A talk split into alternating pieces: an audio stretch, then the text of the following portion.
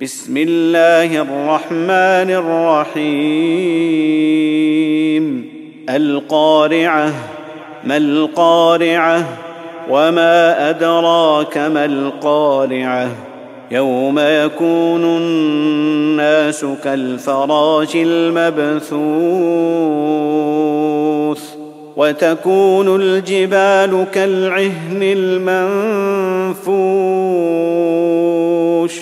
فاما من ثقلت موازينه فهو في عيشه راضيه واما من خفت موازينه فامه هاويه وما ادراك ما هي نار حاميه